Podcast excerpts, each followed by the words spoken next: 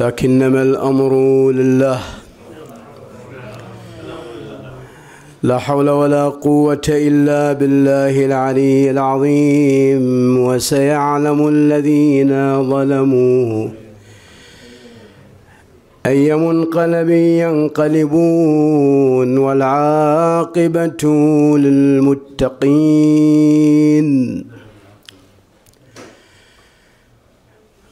قال عز من قائل في محكم كتابه بسم الله الرحمن الرحيم. لتبلون في أموالكم وفي أنفسكم ولتسمعن من الذين أوتوا الكتاب من قبلكم ومن الذين أشركوا أذى كثيرا.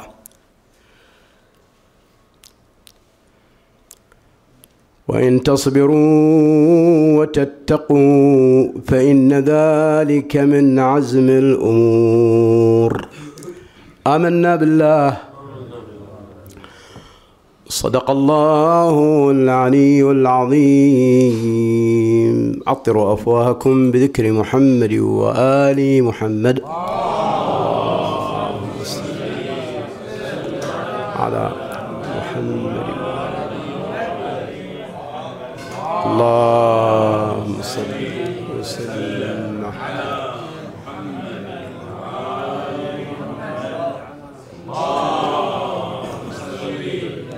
وسلم على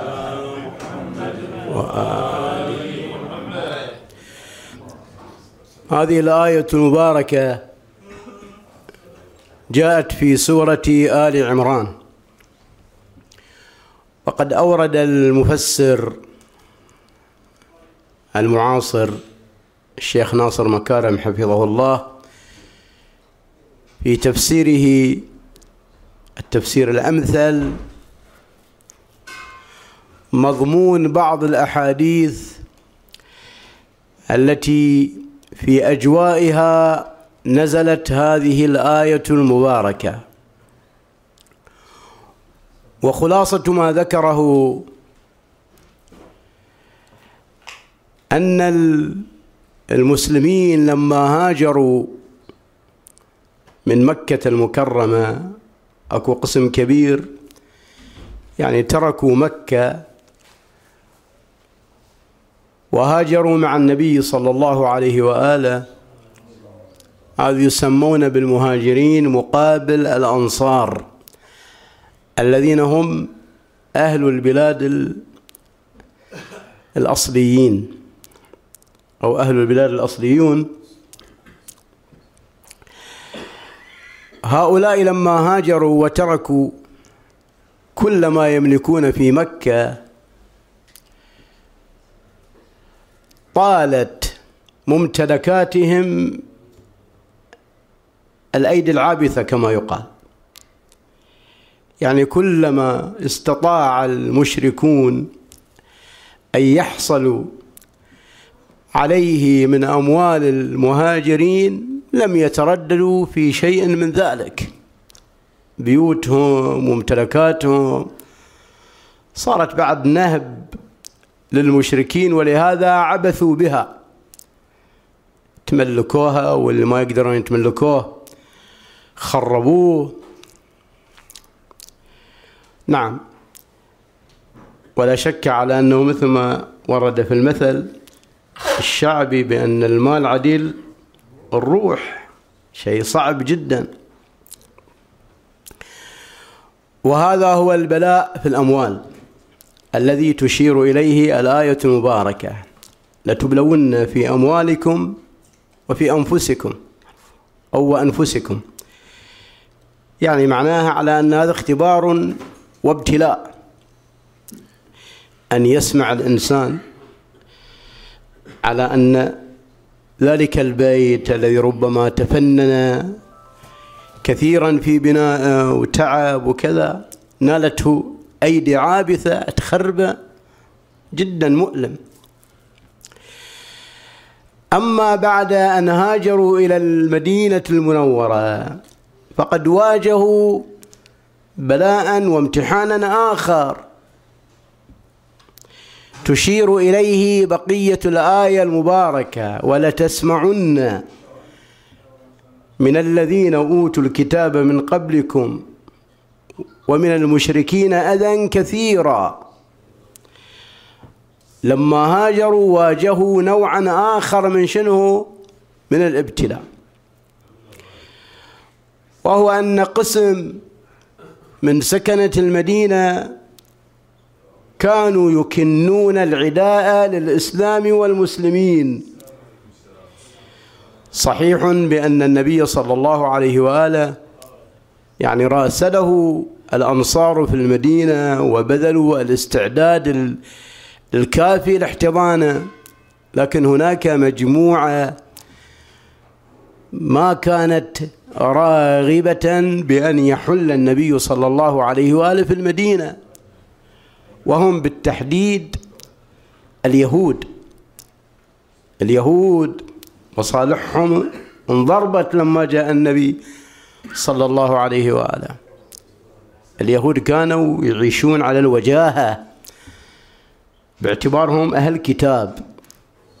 أي مشكلة ثقافية أي استفسار يروحون إلى وين؟ إلى اليهود باعتبار عندهم معلومات. أما النبي صلى الله عليه وآله بعد أن جاء إلى المدينة وضع حدا لذلك التزييف اللي عندهم. يعني هم شنو المعلومات اللي عندهم؟ معلومات عندهم محرفة. ولهذا كانوا يكنون العداء للإسلام. فلما جاء المسلمون المهاجرون وعلى رأسهم النبي صلى الله عليه وآله إلى المدينة لم يرحبوا بذلك المجيء. وعرف بعض الأشخاص بموقفهم العدائي جدا. كانوا لا يخفون عداءهم للنبي صلى الله عليه وآله. وقد تكفل التاريخ بذكر البعض ممن أمعن في هذا العداء. ويشار هنا في سبب النزول إلى شخص يسمى بكعب بن الأشرف. كعب بن الأشرف كان شاعر يهودي طبعا. وشاعر لكنه سخر شعره للعداء للإسلام. مو فقط عداء عادي لا دخل في في الأشياء الحساسة جدا. حتى أنه سخر شعره بالتشبيب في نساء المسلمين. قام يذكرهم وأوصافهم ومفاتنهم وكذا. هذا يسمونه يسمونه تشبيب. من المكاسب المحرمة التي يذكرها الفقهاء هو التشبيب. يعني إذا إنسان مثلا يتغزل لكن مرة يتكلم عام ومرة لا يخصص يدخل في المعينات. هذا طبعا جرم كبير ويحرم التكسب به. كعب بن الأشرف كان يتناول هذه المواضيع في شعره. يشبب بنساء المسلمين ويذكر أوصافهم. ولهذا أمر النبي صلى الله عليه وآله بقتله. إيه باعتبار يعني هذا قلع لمادة الفساد. وبالفعل يعني جاه واحد غيور و واشطحها مثل ما يقولون على كل حال. لكن المسألة لم تنتهي عند هذا الحد. لم تنتهي هذا الحد لأنه إذا راح واحد وراه أشخاص. في غضون هذه الحالة من الابتلاء والامتحان الذي عاشه المسلمون بين عدة امتحانات. امتحان في مكة يسمعون بأموالهم مصادرة يعبث بها. امتحان في المدينة هذا الجو الضاغط من قبل الأعداء. ولهذا جاءت هذه الآية المباركة لكي تقوي من شنه من معنويتهم. فتقول الآية لتبلون في أموالكم وأنفسكم. هذا إشارة لذلك الابتلاء من النوع اللي في مكة. ولتسمعن من الذين أوتوا الكتاب من قبلكم. اللي هو نظير كعب الأشرف وأمثاله. ومن الذين أشركوا أيضا. هذا بعد عامل مؤذي ثاني أن المشركين ما خلاهم في حالهم لا. كانوا بين الفترة والأخرى يغيرون على أطراف المدينة أيضا.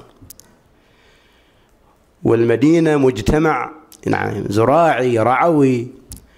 ولهذا كانوا يغيرون بين الفينة والأخرى ويخربون زروعهم ومراعيهم. يقتلون بعض. نعم ما يرعوه ويخربون تلك الزروع. هذا أذى سماه القرآن الكريم. نعم ولتسمعن من الذين أوتوا الكتاب من قبلكم ومن المشركين أذى كثيرا. هذا خلت الآية المسلمين على هذا المستوى من الوعي. إذا كنتم تريدون أن تعرفوا طريق ذات الشوكة هذا هو الواضع. ترى سوف يستمر هذا الإيذاء. نعم.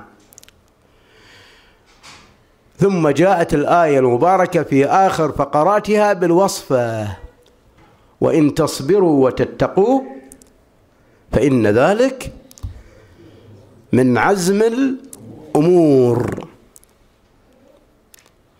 شنو هذه الفقرة؟ هذه حقيقة مهمة جدا الوقوف عندها.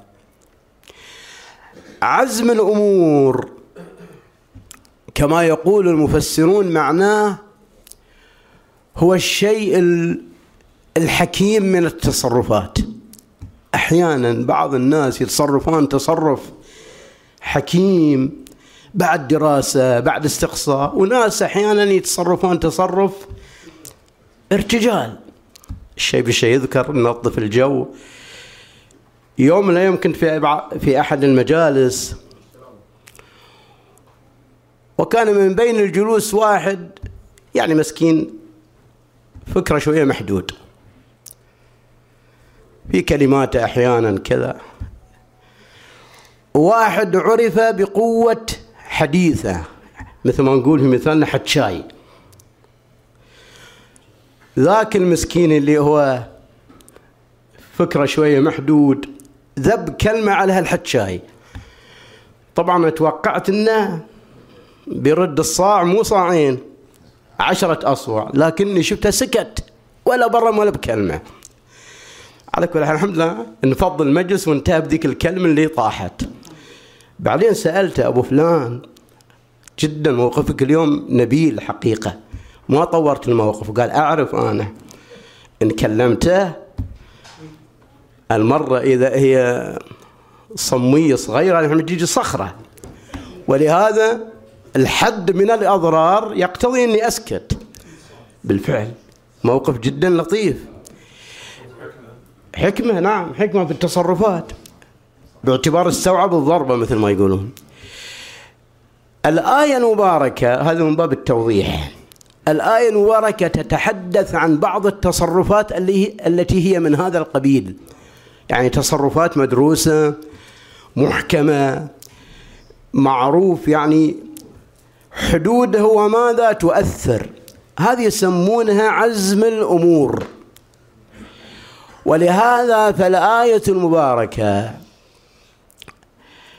حينما نصحت المسلمين بأن يتعاملوا مع هذه الأنواع من الابتلاءات ابتلاءات أموال وابتلاءات يسمعون وابتلاءات أذى تقول الآية المباركة أن الموقف السليم مقابل هذه الاعتداءات هو أمران.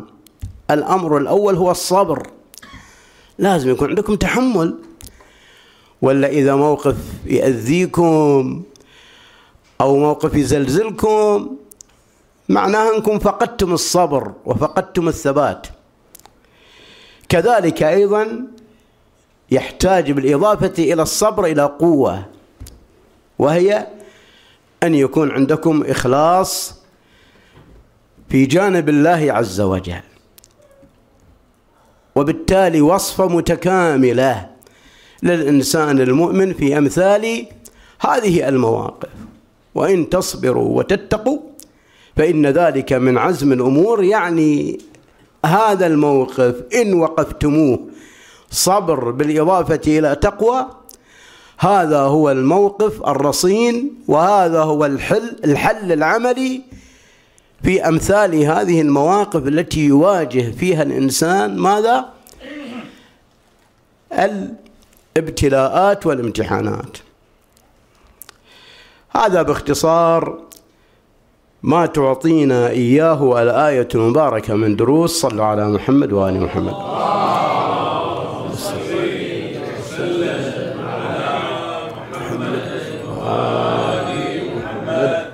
اللهم صل وسلم.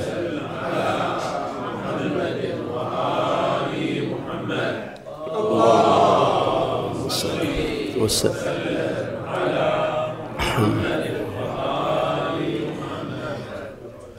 أبو حسين حفظه الله اقترح علينا أن نتحدث في ليلة من الليالي عن شأن يتعلق بسبط رسول الله الأول.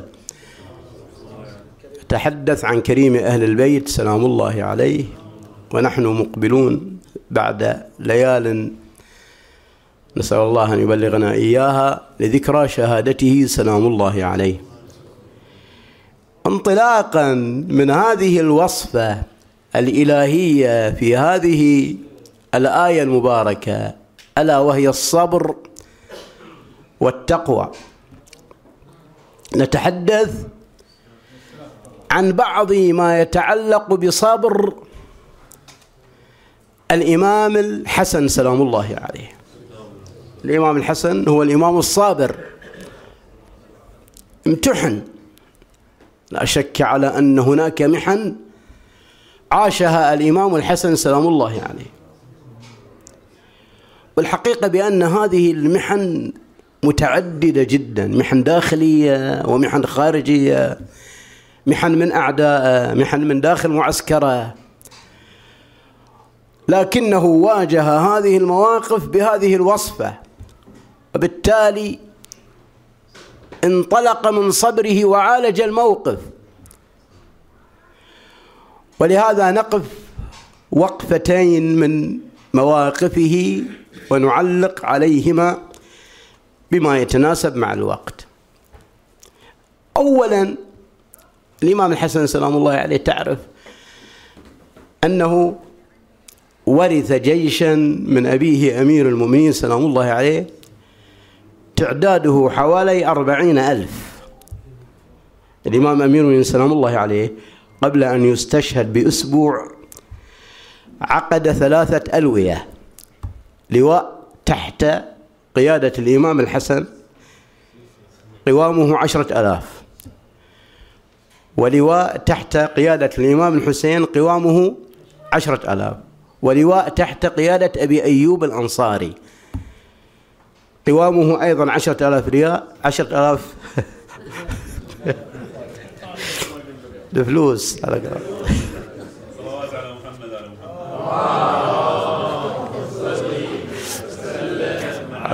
محمد وآل وأمر هذه الألوية بالتوجه إلى النخيلة. ثلاثون ألف مقاتل. وبقي هو في الكوفة مع البقية حتى يكمل العدد. لكن مثل ما قال الشريف الرضي ما دارت الجمعة إلا وقد ضربه ابن ملجم. فكان مستعد طبعا ويقدر ذلك العدد بأربعين ألف. الإمام الحسن سلام الله عليه ورث هذا الجيش.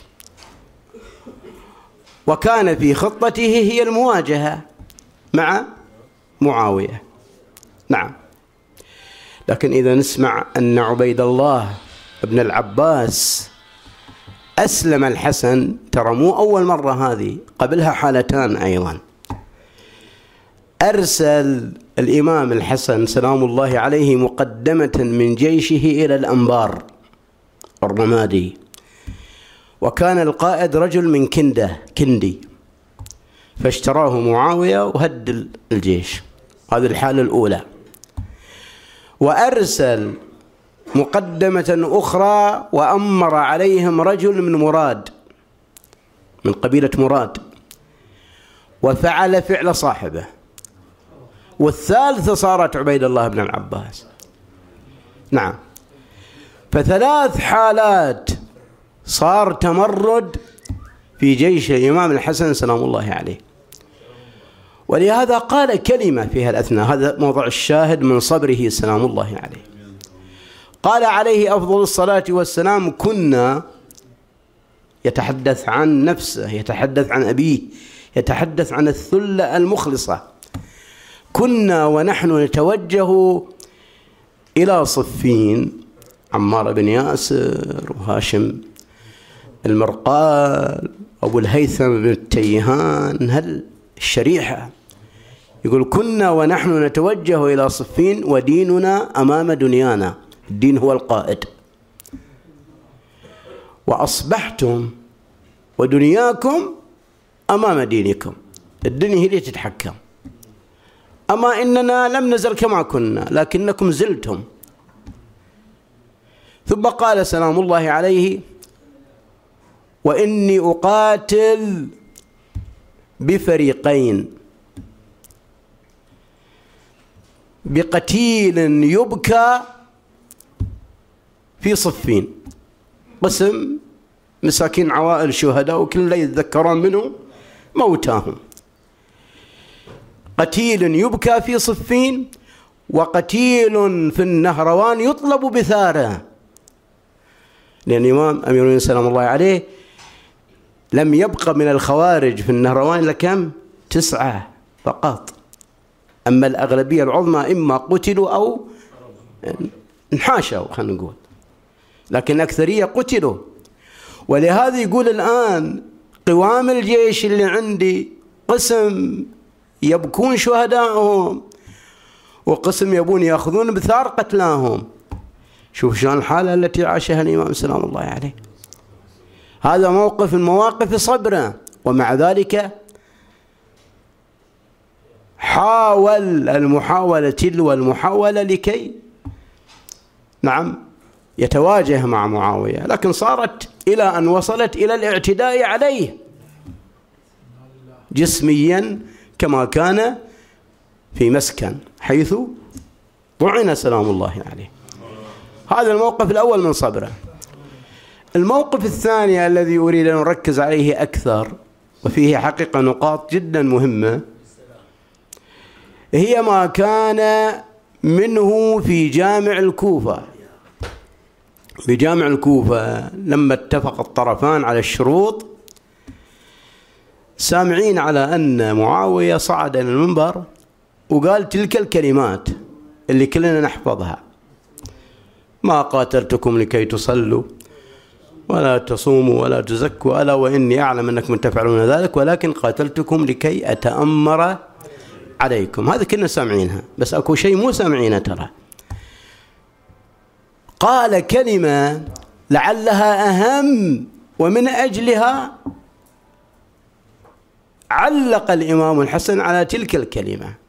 قال ألا وإن الحسن رآني أهلا للخلافة فأعطاني إياها. هذه مشكلة. ذيك بعد تتحدث عن نفسيته ومن طوى عليه وصراحته المعروفة. ما قاتلهم حتى يصلوا ولا يصوموا ولا يزكوا. لكن يقول يفتري ويتلبس الشرعية كما يسمى في لغة اليوم بهذه الطريقة ويفتري على الإمام الحسن سلام الله عليه ويقول إن الحسن وجدني أهلا فأعطاني إياها. هنا قام الإمام الحسن سلام الله عليه. وقال بعد أن حمد الله وأثنى عليه ما وجدت معاوية أهلا ولكنه كذب. أول شيء كذبه قال أبدا. هذا لم يصدر. ثم أثار عدة نقاط. أنا أذكر منها أربع نقاط. قال سلام الله عليه بل إن أولى بالناس من الناس. في كتاب الله عز وجل وعلى لسان نبيه. نحن الأولى والحق لنا. وهذه هي الشرعية الإلهية. نحن أولى الناس من الناس في كتاب الله وعلى لسان نبيه صلى الله عليه وآله. طبعا في هذه النقطة يشير إلى الآيات المباركات التي جاءت في القرآن الكريم. إنما وليكم الله ورسوله والذين آمنوا. يا أيها الرسول بلغ آيات الولاية وما أكثرها في القرآن الكريم. هذا ما جاء في حق أهل البيت في كتاب الله عز وجل. اللي جاء في حق أمير المؤمنين جاء في حق الإمام الحسن سلام الله عليه. ولهذا يقول نحن الأولى في كتاب الله وعلى لسان نبيه صلى الله عليه وآله.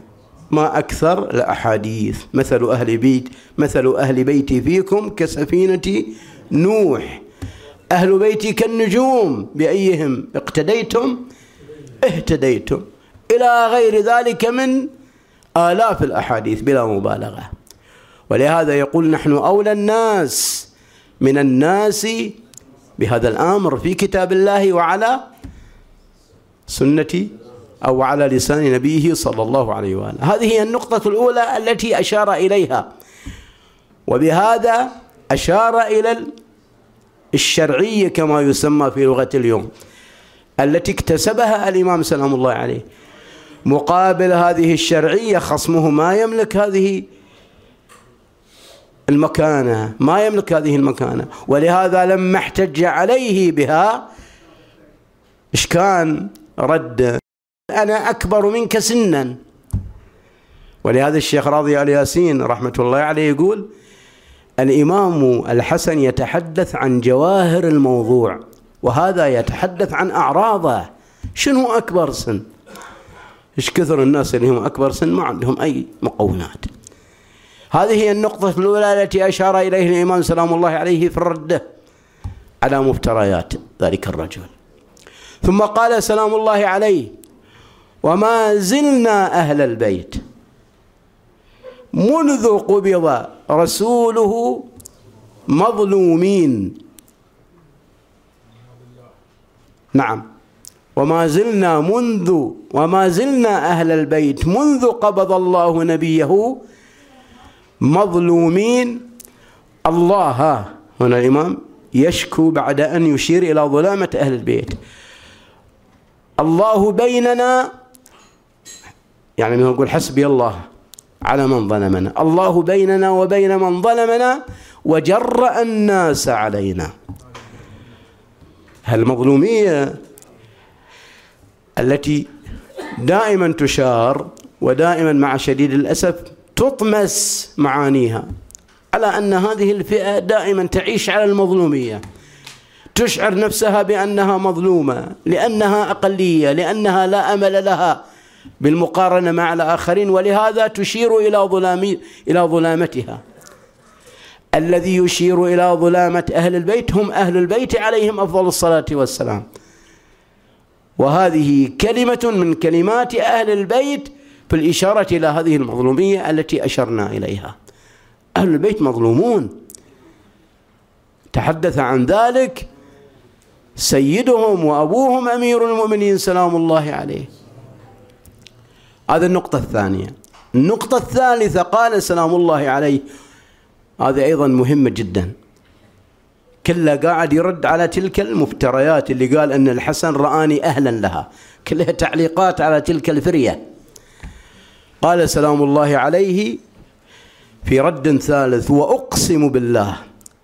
هذه عبارته.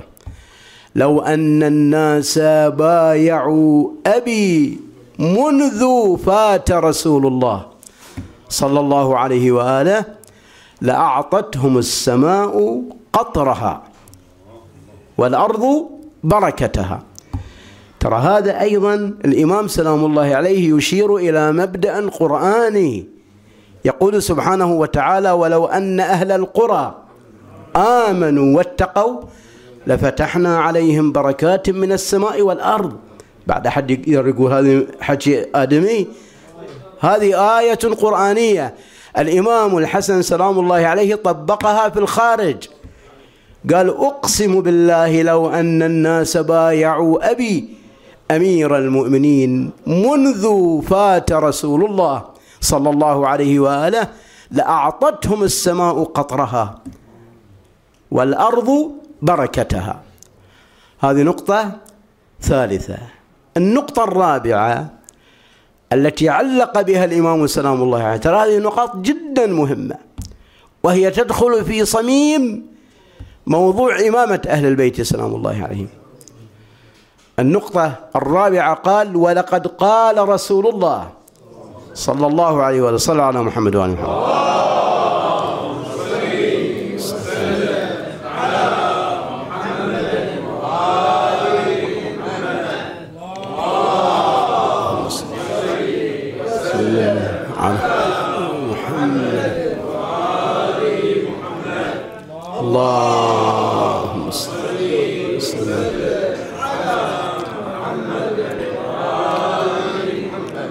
ولقد قال رسول الله صلى الله عليه وآله ما أمرت أمة رجلا وفيهم من هو أعلم منه. إذا الأمة عاد هذا الحج خطاب للأمة مو حق ذاك الشخص فقط. ولقد قال رسول الله صلى الله عليه وآله ما أمرت أمة رجلا وفيهم من هو أعلم منه. إلا لم يزل أمرهم يذهب سفلا. سفل يعني يتسافل. نقطة جدا مهمة وكلمات ينبغي أن يقف عندها الإنسان. ما أمرت أمة رجلا وفي الأمة من هو أعلم منه إلا لم يزل أمرها يذهب سفلا يعني يتنازل. كل ما لو يتسافل. حتى يعودوا لما تركوا. الله. كلمة جدا مهمة. سامعين قصيدة سيد جعفر الحلي والناس عادت إليهم جاهليتهم. الإمام سلام الله عليه هو الذي أسس هذا المبدأ في هالكلمة الإمام الحسن. يقول الناس إذا رضوا بالأدون وخلوا الأعلى منزوي مغصوب حقه هذه يتسافلون في مواقعهم حتى يعودوا إلى واقعهم الأول.